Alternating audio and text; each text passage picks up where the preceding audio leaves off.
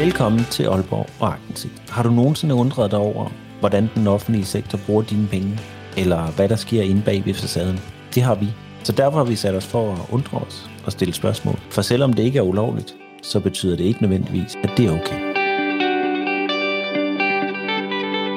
Hej Rikke. Hej Jacob. Så er vi igen. Det må man sige ja til. Rikke, vi to vi havde jo faktisk aftalt at holde noget juleferie. Ja, og det ville have været dejligt. Og så kom der det her resultat af advokatundersøgelsen omkring de der udbygningsaftaler i Aalborg Kommune. Ja. Og øh, nogle af dem, det var, øh, det var omkring spritten. Og, øh, og derfor så besluttede vi os egentlig for, at vi ville sætte os ned og, og lave et afsnit omkring det. Ja, det er rigtigt.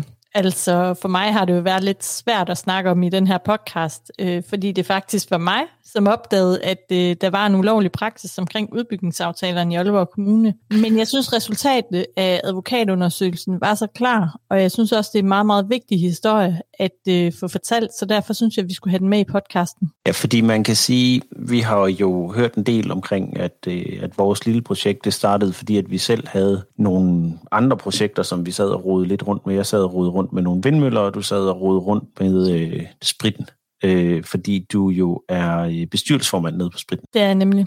Og det er jo også en af årsagerne til, at vi to, vi faktisk praktisk taget ikke har talt omkring de to sager. I hvert fald ikke nu. Nej, det er nemlig rigtigt. Det er det her med uvildighed, og at vi gerne egentlig øh, vil sætte os ned og, og sådan undersøge tingene lidt til bunds, ikke? Jo, det er den nemlig. Men øh, hvad har du gjort der tanker omkring det? Jamen altså, inden jeg gik i gang med det her projekt, og faktisk inden jeg blev bestyrelsesformand, der øh, tog jeg Ph.D., og det er jo en forskeruddannelse. Og øh, derfor har jeg faktisk været forsker. Og inden for forskningsverdenen, så er man faktisk rigtig meget bevidst om, at øh, de konklusioner eller fortællinger, som øh, man egentlig får fortalt eller får formidlet i en artikel, det afhænger simpelthen af de, øh, den optik, man lægger ned over emne. Øhm, så jeg tænkte egentlig på det, at, øh, at det allerbedste, vi kan gøre, det er jo, ligesom vi har gjort nu, at varedeklarere, at jeg udover at lave agtindsigterne også arbejder med investeringer. Og øhm, en del af vores investeringer er jo faktisk nede i spritten, som vi har sammen med Martin Nielsen, øhm, hvor jeg så er bestyrelsesformand. Øhm, så derfor tænker jeg, at dagens afsnit, det er jo, hvordan jeg fandt ud af, og det var faktisk ikke Martin, men det var mig, øh, der fortal, for, fandt ud af, at der var en ulovlig praksis omkring de her udbygningsaftaler i Aalborg Kommune. Og øh, så synes jeg faktisk også, at vi skulle have en snak om, hvad Horten, som det advokatfirma, det hedder, øh, fandt ud af for Aalborg Kommune omkring den her praksis. Og så synes jeg egentlig også, det er vigtigt for os at sige, jamen, det er jo ikke en fuld sandhed, vi kan fortælle. Øh, så man skal nok mere som lytter betragte som partsindlæg. Der er ikke noget i det, vi siger, der er forkert, men det kan være, at der var nogen, der vil sige det anderledes, end vi ville. Men vi må også bare sige, i vores podcast, og vi har spurgt mange gange, vi har spurgt mange politikere, om de vil deltage, men der er ikke nogen, der gider at svare os. Øhm, så jeg har nok bare sådan lidt, hvis der er nogen, der synes, at de gerne vil komme med en anden fortælling omkring de her udbygningsaftaler, så kan de jo kontakte os og komme med i et andet afsnit. Tænker du ikke det, Jacob? Jamen det synes jeg, det giver, det giver rigtig fin mening. Og, og jeg tænker, når du siger, at det ikke er den fulde sandhed, så er det jo, så er det jo i hvert fald en sandhed, øh, som vi kommer til at, at, at kigge på i dag. Ikke? Øh, fordi vi har jo gentagende gange spurgt politikere omkring, de vil deltage i vores ting. Øh, så sent som i, i går sendte vi faktisk en mail til borgmesteren, øh, Thomas Kastrup Larsen, i forhold til nogle spørgsmål, men han har heller ikke vendt tilbage. Det, det typisk, det, det gør de ikke så, så ofte, vel? Nej, det gør de nemlig ikke. Ja, vi snakkede også om, øh, om vi ikke skulle have Hans Henrik Henriksen med i, i det her afsnit her, men, men han er jo lige sygemeldt sig. Ja, og han er jo øh, rådmand for by- og landskabsforvaltning, og det er jo dem, der havde ansvaret for de her udbygningsaftaler. Men altså, det er jo rigtigt. Der er ikke rigtig nogen, der synes, det er så sjovt at have dialog med os. Øhm, men lige for at opsummere, så synes jeg faktisk, at den her historie omkring udbygningsskandalen i Aalborg Kommune er meget, meget vigtig at fortælle. Øh, og det er det, fordi det i min øh, optik, der er det faktisk den største politiske skandale, vi har haft i Aalborg Kommune. Og jeg synes også, den er større end øh, borgmesteren, øh, Marius Andersen, som fik øh, betalt et musklen badeværelse. Så det er jo fordi, det er en historie omkring magtfordrejning og magtfuldkommenhed, og det er simpelthen en historie, jeg synes, der skal fortælles øh, i andet end avisoverskrifter. Jeg synes simpelthen, den skal foldes ud. Men øh, skal vi så ikke komme i gang? Jo, det må vi hellere. Kommuner kan indgå frivillige aftaler med private grundejere om at medfinansiere en række fysiske infrastrukturanlæg i forbindelse med en byudvikling. Det kaldes en udbygningsaftale. Normalt er det en kommunal opgave at foretage de fornødne investeringer i forbindelse med udbygningen af infrastruktur og byggemodning af et nyt byudviklingsområde. Planloven åbner dog op for, at en grundejer kan tage initiativ til at indgå en frivillig aftale med kommunen om at bidrage med finansiering af infrastrukturanlæg, hvis grundejeren finder det hensigtsmæssigt med henblik på udnyttelse af sin ejendom. I det tilfælde er det kommunen, der suverænt bestemmer, om grundejerens initiativ skal imødekommes af kommunen. Altså Rikke, inden vi lige skal tale omkring de her udbygningsaftaler, så er jeg faktisk lidt nysgerrig. Fordi, hvordan blev du egentlig overhovedet involveret i det her projekt nede på Svind? Fordi øh, det er jo altid Martin Nielsen, som man ser i medierne. Så jeg vidste faktisk ikke, at du var med i det, før vi to vi lærte hinanden at kende. Nej, det var faktisk en lidt sjov historie, fordi jeg har kendt projektet på Spritten, siden øh, Martin han startede med det. Og øh, han havde på et tidspunkt en medinvestor, som blev meget, meget syg, øh, og så står han lidt alene med det, men så spørger han øh, min mand og jeg, om vi er interesserede i at overtage den andel, som hans investor har. Og øh, det var vi, fordi vi faktisk synes, det var et spændende projekt. Og øh, jeg var ansat på universitetet på det tidspunkt, så det var bare meningen, at jeg lige skulle være lidt bestyrelsesformand, og øh, egentlig ikke involvere mig synderligt i projektet nede på spritten. Øh, så, så i starten var det for os bare en investering som alt muligt andet. Men, øh, men hvad skete der så? Jamen, øh, der er jo en bygning dernede, der hedder Harborgate, og det er jo det, der er tegnet af Bjarke Engels. Øh, og øh, for at kunne realisere det, så skulle Aalborg Kommune sælge os nogle øh, kajarealer.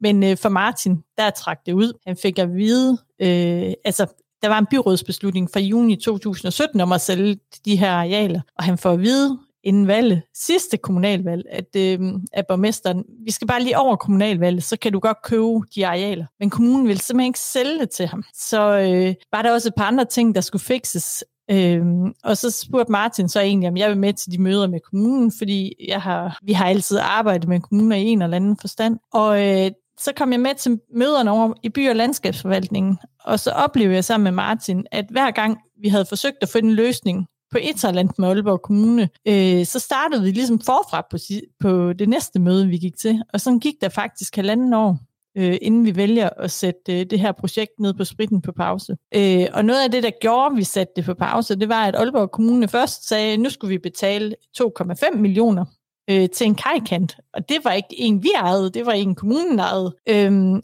og så på et par møder derefter, så bliver vi præsenteret for en regning på 3,3 millioner. Øh, og det sjove ved den regning, det var faktisk, at øh, vi blev præsenteret for den, hvor så at øh, Aalborg Kommune de havde fået udarbejdet en helhedsplan for et grundejerforeningsareal, vi selv var med til at eje sammen med nogle andre nede på spritten, men det ville de bestemme, hvordan det skulle se ud. Øhm, og det kunne Martin og jeg ikke rigtig forstå. Det synes vi da, det var lidt noget underligt noget. Altså, det svarer jo lidt til, at øh, stadsarkitekten går ud i din have, Jacob. Så siger han så, øh, du skal betale 3,3 millioner. Så det er jo, ah, hvorfor skal jeg det? Jo, det skal du, fordi jeg har taget, fået tegnet en haveplan til dig.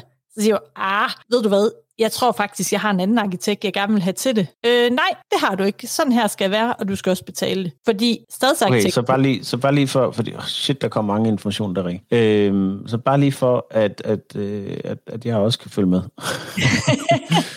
så, så, så er der, øh, der er et projekt, hvor Aalborg Kommune gerne vil sende nogle øh, arealer. Det trækker ud. Ja. Øh, dig og øh, Martin tager så til øh, forhandlinger med øh, Aalborg Kommune, ja. øh, fordi at øh, I kunne godt tænke jer at, øh, at købe øh, de her arealer. Ja. Øh, er det rigtigt forstået? Ja. Øh, men hver eneste gang I har et møde, så starter I bare nærmest forfra, og det gør I i halvandet år øh, indtil, at, øh, indtil jeg ender med at sætte øh, projektet på pause. Lige præcis. Og undervejs i de her forhandlinger her, der, øh, der vil de også gerne have jer til at lave en øh, kajkant, ja. øh, eller renovere den, eller hvad det nu hedder, øh, og, øh, som I ikke ejer. Og så vil de også gerne øh, bruge øh, 3,3 millioner øh, til at, at bestemme omkring, hvordan noget inde på jeres grund, det skal se ud. Eller det vil stadsarkitekten gerne. Lige præcis. Og det sjove er jo så, det der virker så åndssvagt af det, det er jo faktisk, at vi har Bjarke Engels, ikke? vi har en stjernearkitekt, som alle drømmer om, og han får en provinsarkitekt ned for Aarhus af, til at tegne det der areal. Ikke? Så de giver altså, nu kender jeg godt Bjarke Engels, men det er ikke sikkert, at alle gør, men, men Bjarke Engels, han er sådan rimelig kendt i de der kredse, ikke? Jo, jo. Han har lavet mega fede projekter. Så det, det er bare det, det giver simpelthen ikke nogen mening. Hvorfor skulle vi vælge en Aarhus-arkitekt, når vi har en rockstjerne, ikke? Altså, det gav jo ingen mening for os. Okay, og, og hvornår sker det her? Jamen, øh, det sker det, at øhm, øh, hvad det hedder her den 30. april, altså det er et halvanden år før det, men den 30. april, der vælger vi simpelthen at stoppe projektet. Og det gør vi, fordi vi havde jo folk ansatte. Altså, vi kan ikke blive ved med at have omkostninger. Vi vidste ikke, øh, om vi havde et projekt, om vi havde arealer. Øh, så det vælger vi simpelthen den 30. april, fordi vi også bare tænker, at det kan simpelthen ikke passe, at vi skal betale de der penge. Okay. Men det er først i maj, at medierne de skriver omkring projektet, det er pause, ikke? Jo, det er rigtigt. Der er sådan lige en slip på en måneds tid. Øhm, årsagen til det der slip, inden vi melder det ud, det er, at vi kan ikke, øh, vi kan ikke rigtig forstå, at den der praksis Aalborg Kommune har øh, omkring de penge, de egentlig siger, at vi skal betale. Og på det tidspunkt vidste jeg ikke helt, hvilken jure jeg skulle tage og, og gribe i. Jeg havde bare fornemmelse af, at det var forkert. Fordi for 20 år siden, der læste jeg økonomi, der kan jeg nemlig huske, at vi havde en professor, der hed øh, Claus Hohen Jensen. Han var sådan meget kendt. Og han siger, at man som offentlig myndighed simpelthen skal have mm, lovhjemmel til at gøre det. Det er ikke nok med, at, at der ikke står noget i loven om, du ikke må gøre det, eller du skal gøre det. Man skal simpelthen have hjemmel. Du skal, du skal simpelthen have en lovgivning og hægte dine beslutninger op på. Ja, så, så når de kommer og siger til dig, at de gerne vil have 2,5 millioner til en kajkant, og de også gerne vil have lov til at tegne for 3,3 millioner på din grund, så skal det stå i loven, at de må det. Lige præcis, at det, mm. de må få gøre det. Og lige præcis, når vi taler om, om noget, en, en kommune kræver af nogle borgere, og man kan betegne det som skat, så er det faktisk ifølge grundlovens paragraf øh, 43, øh, at der skal være lovhjemmel til at opkræve skat. Så den gik jeg på jagt efter. Ja, det giver meget god mening. Det tror jeg, det havde jeg da også gjort. Ja. Men, men hvordan gik du så på jagt efter den? Jamen, det er, jo den, det er jo den mærkeligste historie, fordi der var jo forår, så jeg tog min lille ladcykel, og så tænkte jeg, hvis jeg skal finde den der lovhjemmel, jeg har ikke sådan jurabøger herhjemme end en noget erhvervsret, så må jeg hellere tage ind på Folkebiblioteket, fordi derinde ved jeg, at Karnov de står. Så øh, jeg gik på jagt efter Karnovs gule lovsamling, og den står simpelthen i flere bind på den nederste hylde, faktisk lige inden for indgangen. Og øh, så fandt jeg det bind med planloven, og så tog jeg den simpelthen med hjem, og så begyndte jeg bare at øh, læse planloven fra den ene ende til den anden. det er seriøst? Det er seriøst. Og øh, pludselig... Hvorfor gik du ikke på Google? Jeg, jamen, det var fordi, der stod ikke noget om, om det på Google. Nå? Nej, men jeg vidste, det var planloven, vi skulle have fat i, fordi det er jo det, der regulerer det her område. Ikke? Og lige pludselig, så finder jeg paragraf 21b i planloven. Og hvad står der? Jamen, der står, på opfordring fra en grundejer kan kommunalbestyrelsen indgå en udbygningsaftale med grundejeren for områder, der i kommuneplanen er udlagt til byzone, er sommerhusområder. Så det betyder på godt dansk, at man som grundejer godt må betale for infrastruktur, som kommunen ellers skulle betale. Men der er det ved den paragraf, at kommunen kan ikke komme og sige, at man som grundejer skal betale for det her stykke infrastruktur. Det er faktisk noget, man som grundejer skal sige til kommunen. Øhm, og det kunne jeg godt se, at nede på spritten var det ikke os, der havde taget initiativ til det. Det var faktisk kommunen, der var kommet med initiativ og øh, så kunne jeg jo se, at lige pludselig havde kommunen jo faktisk handlet i strid med intentionerne i planloven. Altså, fordi... det, det vil, bare lige, hvis I var kommet og sagt, vi kunne godt tænke os at renovere kajen, ja. så kunne kommunen have sagt, det synes vi er en god idé. Det, øh, det, det, det må I gerne, og vi vil godt være med til at betale noget til det, for eksempel. Lige Men præcis. kommunen, de må ikke komme og sige til jer, I skal renovere kajen, ellers så kan I ikke få lov til det her. Nej, og ved du, hvad det syge er ved det? Nej. Det er faktisk deres argumentation, var det var klimasikring. Men ved du, hvad der står i lokalplanen? Nej. Der er faktisk taget højde for klimasikring, uden man skulle til at renovere kajkant. Så, så det giver simpelthen ingen mening. Hvorfor skulle jeg betale en kajkant, man allerede i lokalplanen havde taget højde for, fordi man skulle bygge i et vist niveau nede på spritten? Det giver ingen mening. Ja, det, det, jeg synes, det lyder vildt. Men, øh, men jeg så jo også øh, Martin, han forklarede i TV2 Nord, hvordan han oplevede det. Og skal vi ikke, øh, skal vi ikke prøve at lytte til det? Jo, lad os det. Jamen, jeg savner simpelthen ord for deres ageren. Ifølge Martin Nielsen er flere udmeldinger fra Aalborg Kommune i bedste fald urigtige. De går ud så skarpt og skriver noget, der er så forkert. Det synes jeg simpelthen, det er dybt forkasteligt. I en pressemeddelelse fra den 29. maj hævder By- og Landskabsforvaltningen blandt andet, at Spritten AS har ønsket tilladelse til at opføre flere ejendomme på grunden, og at der derfor var brug for en ny lokalplan. Grunden til, at vi bliver presset til at bede om flere byggeretter, er fordi, at kommunen vil presse ikke en, men to udbygningsaftaler ned i halsen på os. Konkret drejer en af udbygningsaftalerne sig om klimasikring af havnefronten, som Aalborg Kommune vil have Spritten AS til at betale 2,5 millioner kroner for. Det synes jeg, der er et frisk postulat, og det kan jeg ikke se, øh, hvad, hvordan han har hjemmel til det overhovedet. Penge, der ifølge kommunens eget regnskab er budgetteret med allerede i 2019. Så hvordan kan Aalborg Kommune gætte, at vi skulle ønske halvanden år efter at deltage i en udbygningsaftale, vi ikke kendte til, som kostede os penge? Og når kommunen samtidig hævder, at der, hvis overhovedet nogen, kun er tale om én udbygningsaftale, men samtidig skriver en mail til Martin Nielsen. Udbygningsaftaler for kulplads, og der står udbygningsaftaler for kulplads og spritfront. Det, jeg synes, der er det vilde ved det her klip, ikke også? Det er så lidt efter, så interviewer man faktisk øh, direktør Anders Fogdal for By- og Landskabsforvaltningen. Og det sjove er, at vi lige blev enige om, at initiativet skal komme fra grundejer. Og i det her klip, der indrømmer han faktisk, at initiativet det kom fra Aalborg Kommune. Skal vi ikke lige høre det klip fra TV2 Nord? det. Værktøjet udbygningsaftale, det, det er noget, som vi bruger og har brugt i andre store byudviklingsprojekter, og derfor har vi også bragt det på banen her som men, en mulighed. Men Anders Fogdal, der er jo en, der har taget initiativ til overhovedet at tale om de her udbygningsaftaler. Er det Aalborg Kommune, eller er det Spritten? Det er, vi har bragt det ind som et værktøj øh, i forhold til, om det kunne være en mulighed her, ja. Men faktum er jo, at det er ulovligt, når det kommer fra kommunen. Det er ikke dem, der skal tage initiativet, det er jo grundejerne. Så er det jer, der har taget det her initiativ, eller er det Spritten? Det er altså, jeg, jeg, jeg synes, det er lidt vildt, at han siger, at udbygningsaftaler, det er et redskab i den kommunale værktøjskasse, og at det var dem, der opfordrede til udbygningsaftalen på Spritten. ja, jeg kan altså tydeligt huske den der aften. Jeg var fuldstændig ved at falde ned af sofaen, da jeg så det der klip, og det sjove er faktisk, at jeg tænkte, har han da overhovedet ikke forstået, hvad der stod i paragraf 21b i planloven? Altså, det var grundejeren, der skulle tage initiativ. Altså, jeg sidder og tænker, hvorfor skulle de så bruge den advokatundersøgelse? Ja, men... men øh, Jamen, der var slet ikke nogen grund til at lave nogen undersøgelse, når nu at... Øh, altså, ja, der var så en masse andre sager også, foruden spritten-sagen, tænker jeg. Men, men altså, ja. Men I opdager altså noget, der er galt. Og, og hvad gør du så?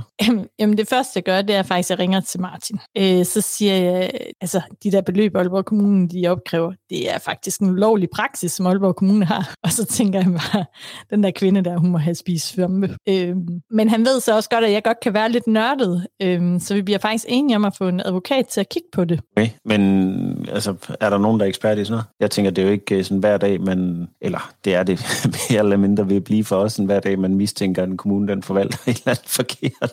Men, men hvordan finder man lige en advokat, der kan hjælpe med sådan noget? Jamen det er faktisk også, øh, det er også lidt af en udfordring, fordi det, der gør jorden lidt svær, det er faktisk, at det er sådan en krydsfelt mellem planlovgivning og så forvaltningslovgivning, og det er der ikke ret mange advokater, som arbejder i det felt. Øhm, og samtidig så havde jeg også bare sådan, at jeg vidste jo godt, skal man gå op imod en kommune, så skal man have en advokat, der er faglig sublim, øh, og også tør sige til os, hvis ikke der var noget i det, fordi vi ligger os jo virkelig på, på skafottet. Ikke? Øhm, men jeg havde en gammel kollega, der har en Ph.D., det er Louise Faber på universitetet, og hun havde også været forsker, men var så i mellemtiden gået over til at blive pra- privatpraktiserende advokat, så hende tog jeg kontakt til. Okay. Altså bare sådan, øh, hej Louise, øh, vi sidder og, tænker, at øh, kommunen den er vist i gang med at lave nogle ulovligheder. Kunne du, øh, kunne, kunne du tænke dig at hjælpe os med det, eller, eller hvad sagde hun? Hvad ja. gjorde I der? ja, sådan noget i den der stil. Altså hun var godt lidt skeptisk dengang. Jeg, jeg kan huske, det var en fredag, jeg ringede til hende, og hun sådan lige, ah okay, altså er du nu helt sikker? Så jeg er jo ikke jurist, men, men jeg kan lave et notat til dig. Men hun vidste jo også godt, hun kendte mig jo fra universitetet, at jeg havde jo en Ph.D. ligesom hende, og at når man er forsker, eller har været forsker, så er man meget, meget grundig i det, man laver. Øhm, så jeg lavede simpelthen en notat over weekenden, som hun kiggede på. Og øh, det vi kunne se sammen, det var, at øh, Aalborg Kommune nok ville have indgået en ulovlig udbygningsaftale, øh, i det det var dem, der havde taget initiativ. Og det er jo også det, vi fandt ud af, Anders Fogdal, han indrømmer på TV2 Nord. Men vores mm. problem var blot, at vores aftale ikke var indgået. Nej, altså de havde kun foreslået det, men når man ikke har lavet aftalen, så er der ikke sket noget ulovligt. Altså sådan at forstå. Ja, lige præcis. Der er, jo ikke, der er jo ikke sket noget. Det har jo bare været forsæt til at lave noget, der ikke var efter bogen, kan man sige. Hvad gør I så? Jamen, så må vi jo tænke kreativt. Det var jo faktisk sådan, at det er Ankestyrelsen, som fører tilsyn med, med kommunerne. Så øh, vi laver simpelthen en klage til dem. Altså sådan en øh, kære Ankestyrelse, kommunen øh, laver noget ulovligt her? Eller hvad, hvordan ser sådan en klage ud?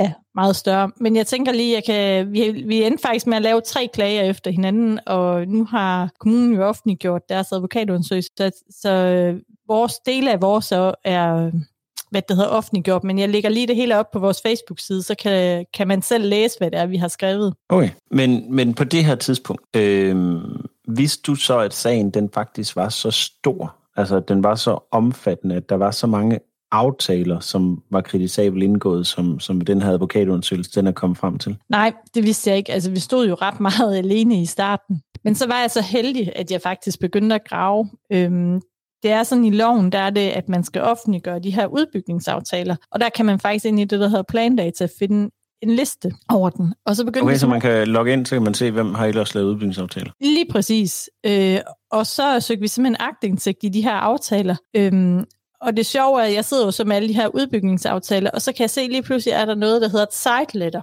Det er fordi, der er noget, nogle arealer, der er blevet handlet, og det er fra et anerkendt øhm, advokatfirma, Bæk Brun. Og de skriver her øh, i den anden udbygningsaftale, at det er Aalborg Kommune, der har taget initiativ til dem. Okay. Fra grundejeren selv. Er det, er det så, altså, er det kommunens advokat, eller er det grundejerens advokat, eller? Det var grundejeren så er køber af det her areals, øh, hvad det hedder, um, advokat, der finder ud af det i forbindelse med den her ejendomshandel, og så laver man simpelthen et, øh, et site letter, man også sender ind til kommunen, og faktisk gør opmærksom på, at det var ikke grundejer, der havde indtaget initiativ. Det var faktisk kommunen. Så det var helt heldigt, at det var journaliseret sammen med udbygningsaftalen. Okay, så allerede derfor kommunen egentlig nærmest at vide, at det ikke er okay, det de render rundt laver?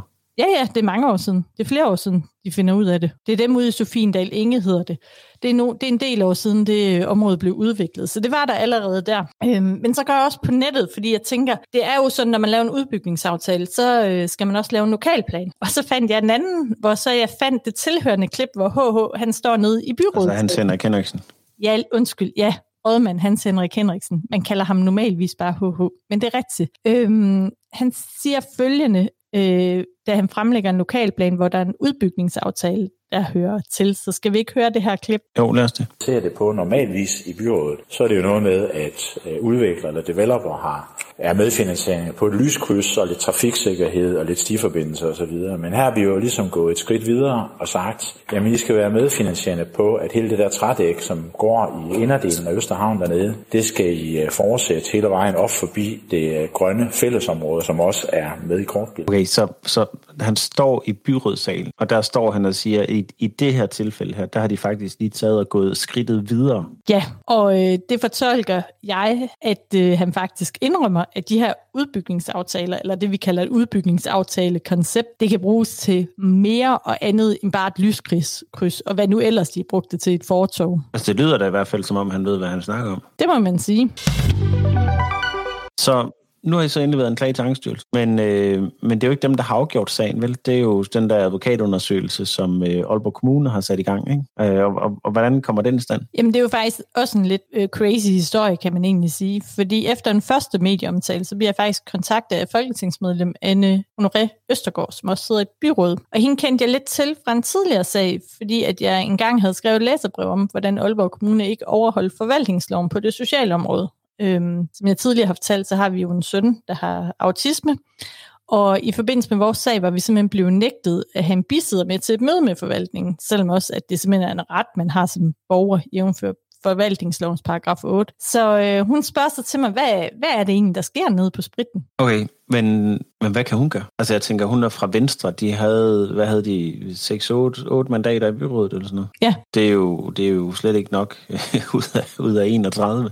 Nej, det gør nok, øh, så er man altså i mindretal. Men øhm, det første, hun gør, inden hun gør noget i byrådet, det er faktisk, at det hun kan gøre, det er at spørge ministeren, som har ansvaret for planloven, hvilken ret der gælder på det her område. Altså, hvordan, øhm, hvad det hedder, hvordan man skal tolke det her med udbygningsaftaler. Fordi det, der er lidt specielt ved dem, det er, at de er kun nævnt i en paragraf, altså paragraf 21b i planloven. Og så eksisterer der lidt forarbejder til loven om kort vejledning. Så det er ikke sådan en, det er ikke et område, der er meget retspraksis på, ligesom hvis du kører for stærkt i din bil, eller øh, hvad nu ellers. Så, så det er meget øh, spartansk. Øh, derfor er det rigtig smart, at hun faktisk spurgte ministeren om, hvad, hvad er op og ned her? Så hun, siger, hun siger simpelthen, øh, herr minister, hvad, øh, eller fru minister, er det en fru? Eller en Nej, det er en herre. Herr, herr minister, hvad, øh, hvad er op og ned her? Og, og hvad siger ministeren så? Jamen, øh, skal vi ikke lige høre det? Jo. Folketingsmedlem Anne Honoré Østergaard fra Venstre stillede den 7. juni 2021 to spørgsmål til minister Kåre Dybved Bæk angående udbygningsaftaler. Det første spørgsmål er spørgsmål nummer 255, hvor hun spørger efterfølgende. Vil ministeren redegøre for, hvorvidt det er korrekt forstået, at så frem den kommune tager initiativ til en udbygningsaftale, så vil det være ulovligt i henhold til planlovens paragraf 21b. Ministeren svarer, at han har forelagt spørgsmål for Bolig- og Planstyrelsen, og de svarer følgende. Planlovens paragraf 21b indeholder regler om, under hvilke betingelser en kommune kan indgå en udbygningsaftale. Det kan generelt bekræftes, at en udbygningsaftale efter planlovens paragraf 21b kun må indgås på opfordring af en grundejer. Det fremgår af bestemmelsens ordlyd. Det er forudsat, at en kommune alene må indgå i et samarbejde, hvis grundejeren henvender sig frivilligt til kommunen, fordi grundejeren selv ønsker at indgå en udbygningsaftale om infrastruktur. Kommunen kan således ikke inden for rammerne af planlovens paragraf 21b selv tage initiativ til en udbygningsaftale. Kommunen har dog mulighed for at vejlede omkring reglerne. Den samme dag stiller folketingsmedlem Anne Honoré Østergaard også et andet spørgsmål. Det lyder som følger. Det er spørgsmål nummer 256. Vil ministeren redegøre for, hvorvidt det er betragtet som skjult skat, jævnfør grundlovens paragraf 43, hvis en kommune opfordrer en grundejer til at indgå en udbygningsaftale i henhold til planlovens paragraf 21b. Igen har ministeren forelagt spørgsmål for Bolig- og Planstyrelsen. De oplyser følgende.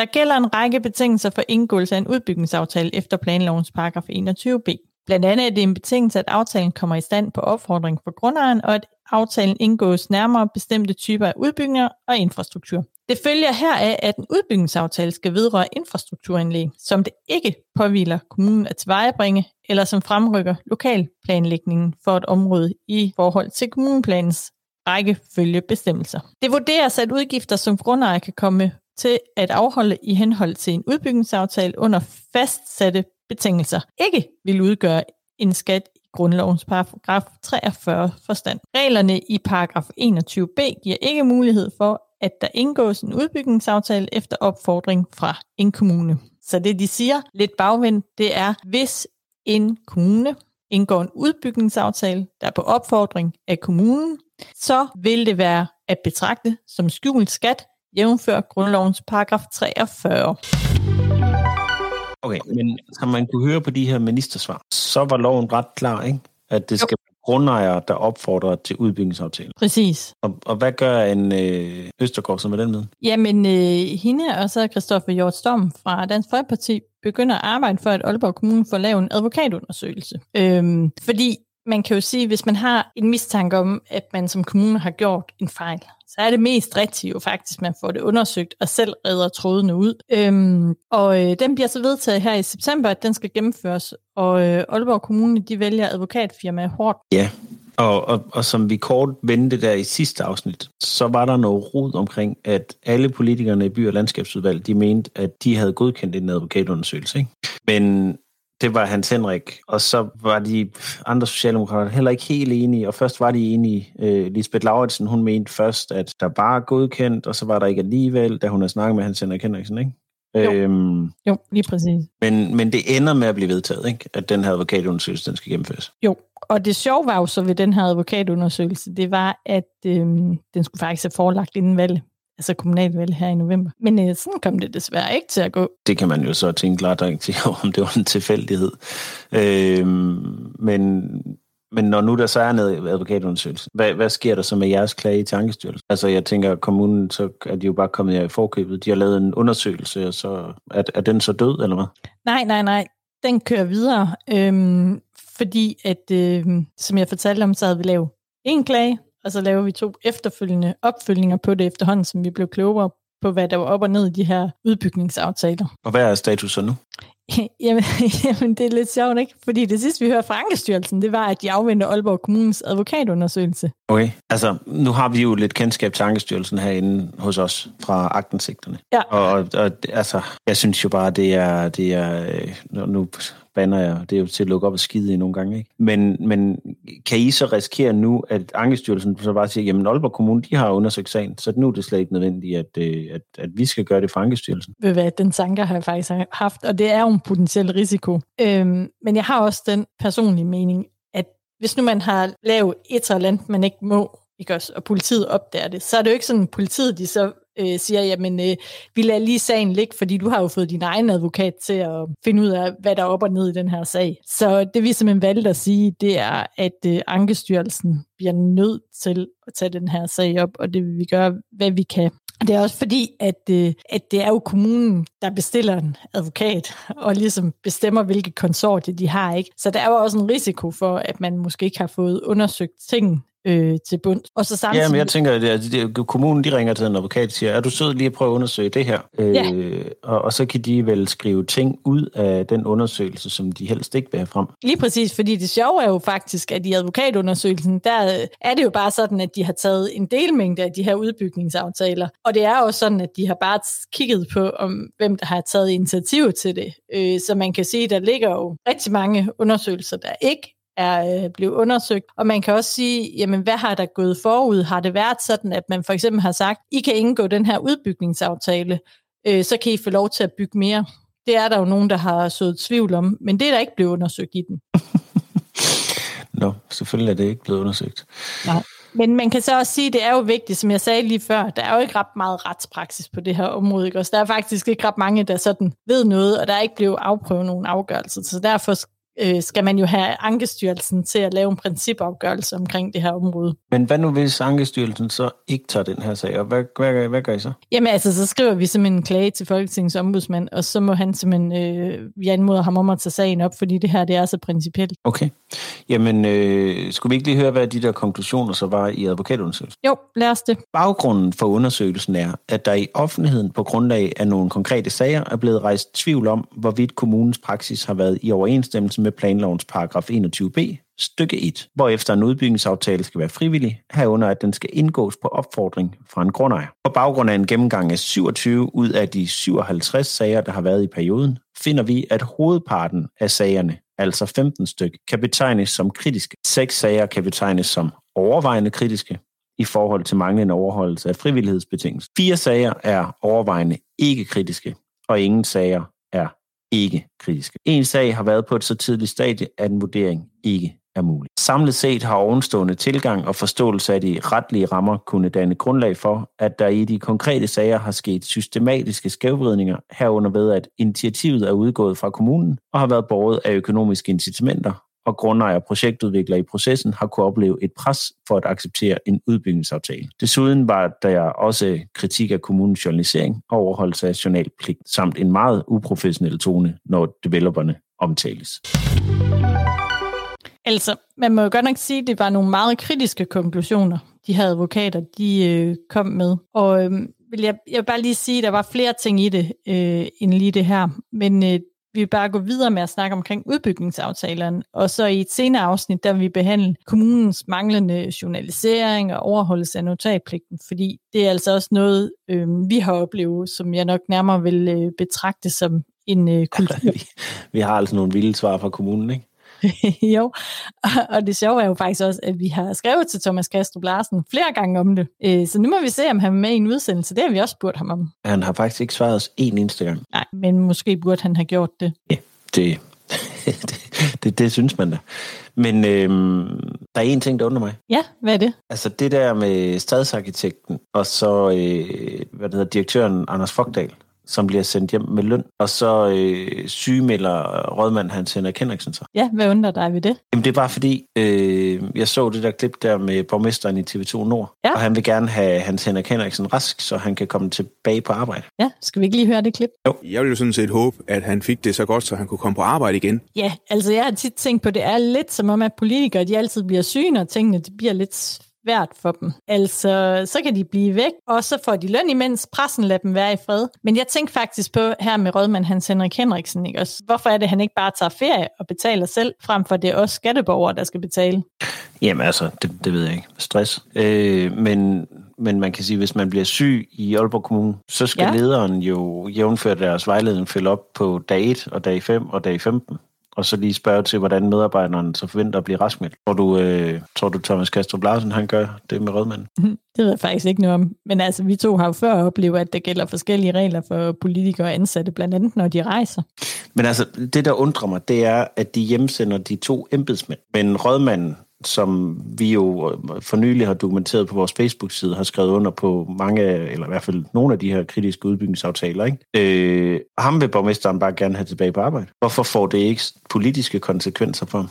Jamen ved hvad, det har faktisk også undret mig lidt, fordi at øh, efter Fredericia-sagen, du ved godt ham der øh, borgmesteren, der tog lidt for meget morfin og brugte sit kort lidt forkert, ikke? så kom der faktisk en paragraf ind i styrelsesloven om, at man godt øhm, kunne afsætte en rådmand eller en borgmester. Okay, men det vil de ikke. Nej, det er der altså ikke noget, der tyder på, at øh, der er en øh, politisk vilje til at gå efter sine kollegaer. Det kan også godt være, fordi at øh, han træder ud af byrådet til årsskiftet, så, så, er det, så er det spildte kræfter. Ja, det er jo en mulig forklaring. Ved du, hvad jeg lige sidder og tænker på? Nej. Jeg sidder lige og tænker på, at øh, hvad hedder det, øh, dem der, som... Øh, dem der, som det er tale om her, altså stadsarkitekt og Hans Henrik Henriksen Ja. og Thomas Kastrup, Ja. er det ikke også dem, der var i kan? Jo, flere gange. Så det er faktisk Thomas Kastrups rejse, rejsekammerater, som har lavet det her, ser det ud til. Ja, Ja. okay. Jamen, øh, for et par dage siden, der var borgmesteren jo også i TV2 nu. Der sagde han, at øh, I havde et møde i marts måned med ham. Ja, og det er faktisk korrekt. Og jeg var tilbage og finde vores referat af mødet og finde mails tilbage. Og øh, der øh, står der øh, blandt andet noget omkring udbygningsaftaler, fordi vi undrede os jo over de her store beløb, vi skulle betale til Aalborg Kommune. Og øh, jeg skal nok lægge det ud som dokumentation, så folk de kan se, at, øh, at jeg taler sandt. Øhm, og øh, det lægger jeg ud, det her referat, og øh, noget korrespondence, jeg havde med borgmesteren. Hvad står der i det referat? Der står ordret, du lytter med, Jacob. Yes. I vores drøftelser har Peder Balser, lige bemærkning her, stadsarkitekten, lagt op til, at øh, A. indgår for mange flere byggeretter, mens vi ikke kan få nogen på Harborgate, til trods for, at Aalborg Kommune vil have os med i to udbygningsaftaler. Aalborg Kommune vil lave en lokalplan for den del af området, hvilket betyder, at projektet bliver yderligere forsinket, fordi vi ikke kan ud, få udstedt byggetilladelser til hele ombygningen. Det betyder også, når Artcenter åbner, så er vi slet ikke klar. Og det vil betyde en stor byggeplads hele vejen omkring Artcenter, hvilket besværliggør adgangsforholdene, blandt andet på grund af sikkerhed på byggepladsen. Jamen, borgmesteren sagde jo til TV2, at han havde fået anledet et møde med rådmanden og direktøren og stadsarkitekten, ikke? Jo, jo, det er også rigtigt. Øhm, men, men hvis nu lige du lægger mærke til, hvem er det lige, der er blevet hjemsendt, så er det jo faktisk direktøren og stadsarkitekten og rådmanden, der nu er sygemeldt. Så i stedet for, at borgmesteren han tager noget action på jeres kritik, så laver han bare et møde med de parter, som er involveret i udbygningsaftalen. Ja, præcis. Så, Så I den- kommer egentlig og siger til ham, den er helt gal, øh, du skal gøre et eller andet. Og så siger han, øh, ved du hvad, vi, øh, vi, indkalder, øh, vi indkalder lige parterne, øh, altså dem, dem, der egentlig sidder og så laver alt rodet.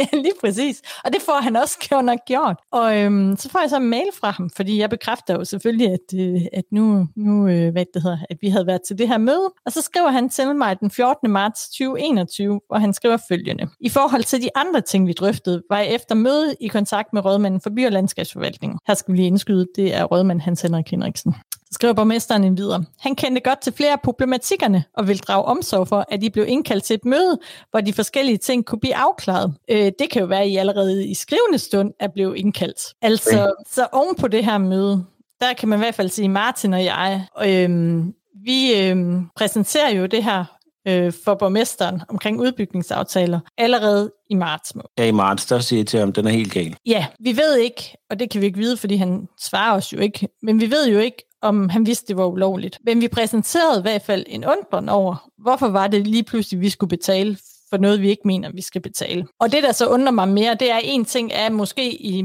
marts falder 10 ikke. Øh, så kan jeg simpelthen ikke forstå, at da så sagen kommer op igen senere på foråret, at han ikke var mere proaktiv i at få tingene reddet ud, men at han i stedet for bare siden marts har simpelthen siddet på hænderne og bare tænkt, den her sag, den går nok over. Okay.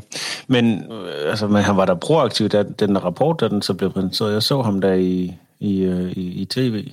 Øh, han var da også ude at sige undskyld til investorerne, var han ikke? Øh, jo, altså det var han i hvert fald på tv. Så jeg har ikke hørt noget fra. Altså du tænker på, om han har ringet til os og sagt Ja, ja, han ringet til jer og sagt, øh, det er jeg fandme ked af, øh, det skal vi selvfølgelig have, have løst, øh, et eller andet. Altså, jeg tror ikke sådan lige, jeg er på ringefod med ham. Men altså, jeg ved, Martin, han, øh, han kender borgmesteren, så vi kan jo lige prøve at ringe og høre ham, om ikke øh, om han har hørt noget fra ham. Det kunne jo være. Ja, lad os gøre det.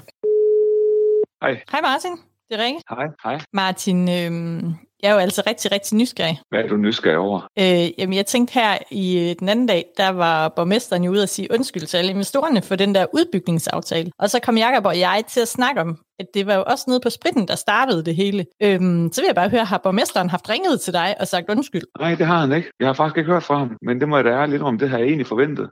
Nu, Ja, det bare, nu er det bare os, der egentlig havde, øh, om man så må sige, åbnet ballet. Ja, fordi han har da også været rundt og fortælle om spritten og sådan noget. Altså, han var vel rigtig glad for projektet på et tidspunkt. Jeg vil sige, specielt i det første år havde jeg en helt fantastisk øh, dialog og, og samarbejde med borgmesteren i forbindelse med projektet. Øh, så, og det er noget, der har betydet både mig for ham øh, og for mig, at, at, at det gode samspil, vi havde. Ja, men hvad tænker du egentlig om, at han ikke har haft ringet til dig? Jeg synes ærligt at det er en lille smule mærkværdigt.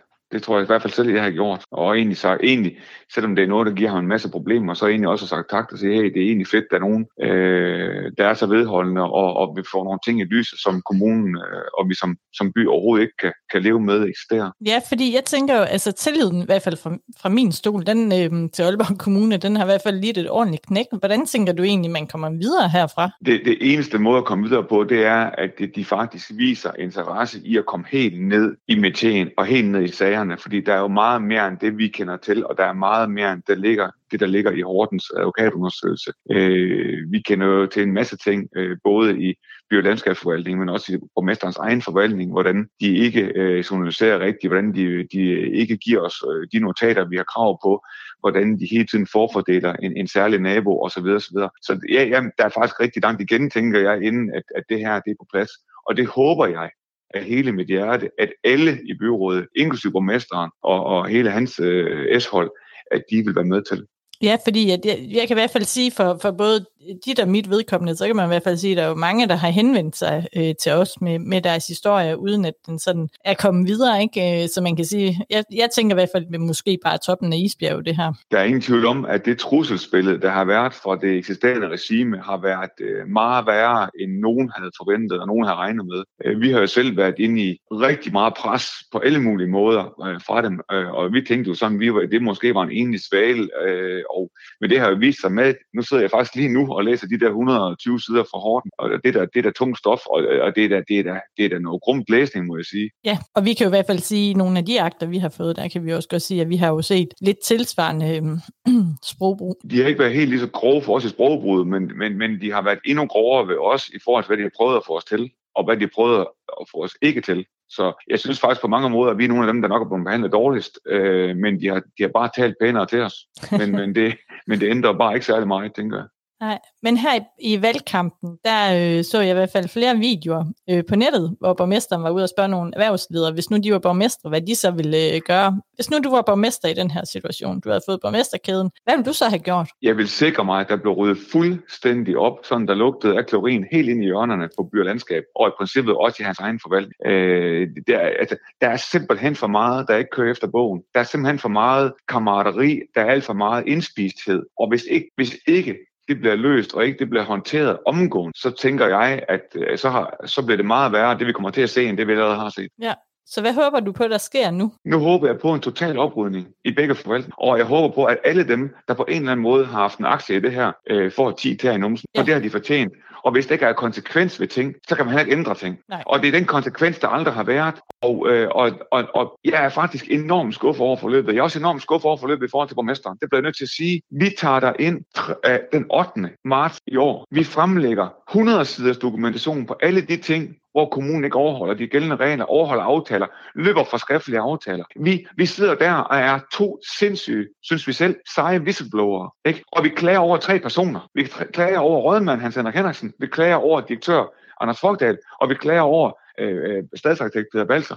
Og hvad gør borgmesteren? Han, han, han blev for indkaldt til et møde, og vi skal møde de tre, men hvor han ikke selv sidder bordhænden. Hvordan skal vi få, om man så må sige, en fair trial? Hvordan skal, vi, hvordan skal nogen andre tør være whistleblower efter os, hvis, han smider os i, hvis man smider os i kløerne på dem, som vi, som vi, har, som vi har klaget over? Ja. Altså, det er jo fuldstændig grotesk, synes jeg. Det er lidt vildt, ikke? Vildt, det er du godt gange med 10. Altså det, jeg synes, der var vildest, det var, at manden ikke bagefter ringede op til os og sagde, nu har I haft det møde, hvordan er det gået, hvad fandt I ud af? Altså det er bare ligesom om, at øh, han kastede lige øh, den videre over til rådmanden, og så skete der ikke andet. Men faktum er, at vi fandt ikke ud af noget, fordi de, der sidder tre mænd derovre og siger, vi har ikke gjort noget galt. Og så sad de ellers med benene langt frem og armen ud til siden og sagde, jamen det er jo ikke kommunens opgave, det er ikke kommunens opgave. Jo, det er det sådan set. Det er kommunens opgave. Og I skal forholde jer til lov, og I skal overholde jeres aftaler. Ja. Både dem, I har lavet mundtligt, og dem, I har lavet skriftligt. Og I skal sikre, først og fremmest sikre jer, at øh, både grundloven og planloven er overholdt. Og ingen af delen var til stede. Nej. Så altså, det her, det er, øh, altså, det er jo værre end den værste thriller. Ja, det må man sige. Men øhm, det var også bare lige det. Nu har vi i hvert fald fået status. Det var det, vi lige skulle have, Jacob og jeg. Det var, at øh, om vi havde hørt fra borgmesteren. Og summa summarum, han siger undskyld i pressen. Men hvis ikke man har hørt ham sige undskyld, så, øh, så har han i hvert fald ikke kontaktet os. Det kan vi godt sige. Ja. Det er super. Men tak skal du have, Martin. Vi øh, snakkes ved. Det gør vi. Gør jeg. Hej hej. Jakob, altså noget af det, jeg synes, der har været vildt underligt, det er, at vi intet har hørt fra Thomas Kastrup Larsen. Og det kan godt være, at han synes, du og jeg vil være noget hårde ved ham. Men for min stol af, så vil jeg bare sige, at både i forhold til ham og i forhold til rådmand Hans Henrik Henriksen, der har vi utallige gange forsøgt at komme i dialog, inden det her det kører fuldstændig af sporet. Og hver gang, der har de bare, har jeg i hvert fald oplevet, at de har været ligeglade. Øhm, og jeg endda sågar opleve, at der var en topembedsmand over for by- og landskabsforvaltningen, som bad mig om ikke at tage kontakt til politikeren for at få den her problematik på spritten løst, fordi at øh, det gjorde bare situationen meget mere politisk kompliceret. Hvad? Seriøst? var der en, der ringede til dig? Det var der. Øh, jeg havde haft fat i øh, rådmanden en, øh, en lørdag, og så mandag blev jeg ringet op af den her pågældende topembedsmand. Øh, og lidt senere begynder jeg at søge om agtindsigt, og ved du hvad det sjove er? Mm. Det var faktisk, at jeg fik en sms fra direktøren for By- og Landskabsforvaltningen om, at han kunne se, at jeg havde søgt om agtindsigt. Det er jo lidt pudsigt, ikke? Altså, jeg tror ikke, alle agtindsigtsanmodninger går op til direktøren. Øhm, om ikke i stedet for, at jeg havde lyst til at komme til et møde med ham. Jamen, det har vi jo også prøvet, dig og mig. At de gerne vil have os ind til møde, hvor vi spurgte dem, hvis vi så ikke måtte optage mødet. Ikke? Jo, jo. Hvad gjorde du så? Ja, hvad jeg gjorde, så øh, sagde jeg øh, pænt nej tak. Jeg vil bare rigtig gerne have de der dokumenter. Og da jeg så fik dem, så begyndte sagen at rulle. Nå, Rikke, øh, hvis, øh, hvis- man lige øh, skal, skal korte, korte dagens øh, afsnit ned, fordi det er jo blevet lidt længere end, end som så, ikke? Øh, så kan man sige, at øh, de der udbygningsaftaler, der, de, øh, de har da i hvert fald, øh, de har da i hvert fald rystet, øh, rystet det politiske magtapparat derinde i, i kommunen, ikke? Jo, det må man sige. De så i hvert fald noget forstenet ud, efter de havde fået præsenteret øhm, ja. konklusionerne fra, fra undersøgelsen. Og man skal lige bemærke, at det var jo kun 27 ud af 57, de havde undersøgt. Prøv så at tænke på, hvis de undersøgte alle aftaler. Det er jo, det er jo vildt. Og så skal vi også, vi skal også huske lige her til sidst igen at, at deklarere, at øh, du jo har været altså, dybt involveret personligt i den her sag her, ikke også? Jo, øh, men jeg vil så også sige, at de faktuelle ting, vi har haft fremme, det er noget, vi kan dokumentere. Og jeg vil så også sige, hvis der er nogle politikere, om de er røde, gule, grønne eller blå, så tag fat i os, fordi vi vil rigtig gerne snakke med jer. Og det kan bare være Jakob, og vi vil rigtig gerne høre jeres version af det, hvordan I har oplevet det. Så kontakt os, øh, kontakt os endelig, fordi vi har ikke haft held til at komme i kontakt med nogen. Vi kan få et helt afsnit. Ja, helt for dem selv. Men Rikke, hvad, øh, hvad, hvad skal vi snakke efter juleferien? Det ved jeg faktisk ikke. Det er lidt svært spørgsmål. Men vi har jo faktisk flere sager, vi er i gang med at undersøge. Men det er som om Aalborg Kommune og Aalborg Forsyning ikke rigtig har lyst til at overholde offentlighedsloven. De er i hvert fald svære at få noget ud af. Ja. Ja, jeg har faktisk lige sendt en mail til borgmesteren, hvor, øh, hvor jeg spurgte ham, om han ikke øh, godt kunne tænke sig at deltage, fordi vi har nogle problemer med forsyningen, der ikke rigtig vil udlevere tingene. Ja, det er lidt pudsigt. Og ved hvad det går sjovt er? Men de svarede jo faktisk, de har jo faktisk svaret i dag, Rik, øh, Ja. i, forhold til, øh, i forhold til det, jeg spurgte. De havde desværre ikke materialet længere. Nej, det er jo pudsigt, at lige kan nå at blive makuleret. Jeg tror, det er digitalt makuleret. Øh, det virker sådan. Men, men altså, vores lille projekt her, det handler jo egentlig bare om, at vi synes, loven den skal overholdes, ikke? Jo, både af os borgere, men også af kommunen. Ja, altså, og, og hvis, hvis vi sidder og skal afsløre ting, øh, så kan man sige, det er jo ikke fordi, at vi skal afsløre, at, at loven den skal holdes. Vi afslører jo ting, fordi at loven den ikke bliver holdt, ikke? Jo, og det er også fordi, at, øh, at det, det jo egentlig startede med, det var, at, at vi snakkede meget om i starten, at hvis man som kommune øh, legitimt skal kunne gå ud til borgerne og, og lave nogle retningslinjer og sige, at de skal opføre sig sådan og sådan, så er det faktisk rigtig, rigtig vigtigt, at de selv overholder loven. Fordi det er jo lidt svært som borger at tage seriøst, at vi skal rette os efter afgørelser og restriktioner fra kommunen, hvis ikke selv de skal overholde loven. Altså jeg synes i hvert fald, i, øh, og det kan man se inde på vores øh, Facebook-side, i, i, i den der måde, der de, de kommunikerer på internt omkring folk. Ikke? Det der med, at øh, altså, det, det, bare den mail, du fik der omkring, hvor øh, rødmanden øh, Lasse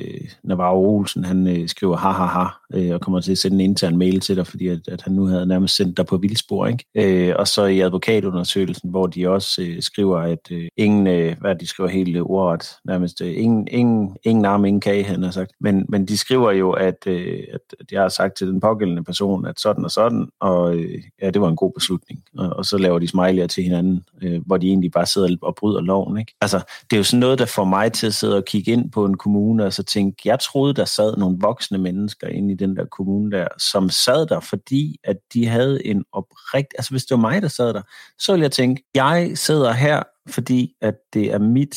Jeg er sidste bastion til lovgivning. Jeg skal sørge for at overholde lovgivning. Det er mit arbejde, og jeg skal binde alting op på, at, øh, at, at, at jeg skal overholde lovgivning. Øhm, men det virker jo som om, at det, at, at det er, man tager sådan en kasket på, der hedder, jeg er lovgivningen. Det jeg lige synes nu, det er det, som det, jeg bestemmer. Jo, man kan, i hvert fald, øh, man kan i hvert fald stille sig selv det spørgsmål, om der er nogen steder i Aalborg Kommune ikke er kommet sådan en magtfordrejningskultur, øh, og det er ikke bare noget, jeg siger. Jeg kan også se, at der er flere advokater, der har skrevet til kommunen omkring det. Men Rik, så er der vel ikke mere tilbage at sige i dag, end øh, tusind tak, fordi du lyttede med. Nej, og øh, mellem vi udgiver afsnit, hvad gør vi så? Jamen, så lægger vi jo selvfølgelig nogle ting op øh, på Facebook. Det gør vi faktisk hver uge, når vi finder nogle ting løbende. Så det er i hvert fald der, man kan følge med. Ja, og så kan du også lytte til vores podcast på Apple Podcast, Spotify, Podimo, eller hvor end du nu ellers finder din podcast, og også på agtensigterne.dk. Lige præcis. Og på gensyn efter jul. Efter vi havde optaget denne episode af podcast, valgte rådmand Hans Henrik Henriksen at følge borgmesterens opfordring. Han blev rask og vendte tilbage igen til sit job den 14. december. Her sidder han året ud, hvor efter Venstres Jan Nymark Theisen vil overtage rådmandsposten. God jul og godt nytår.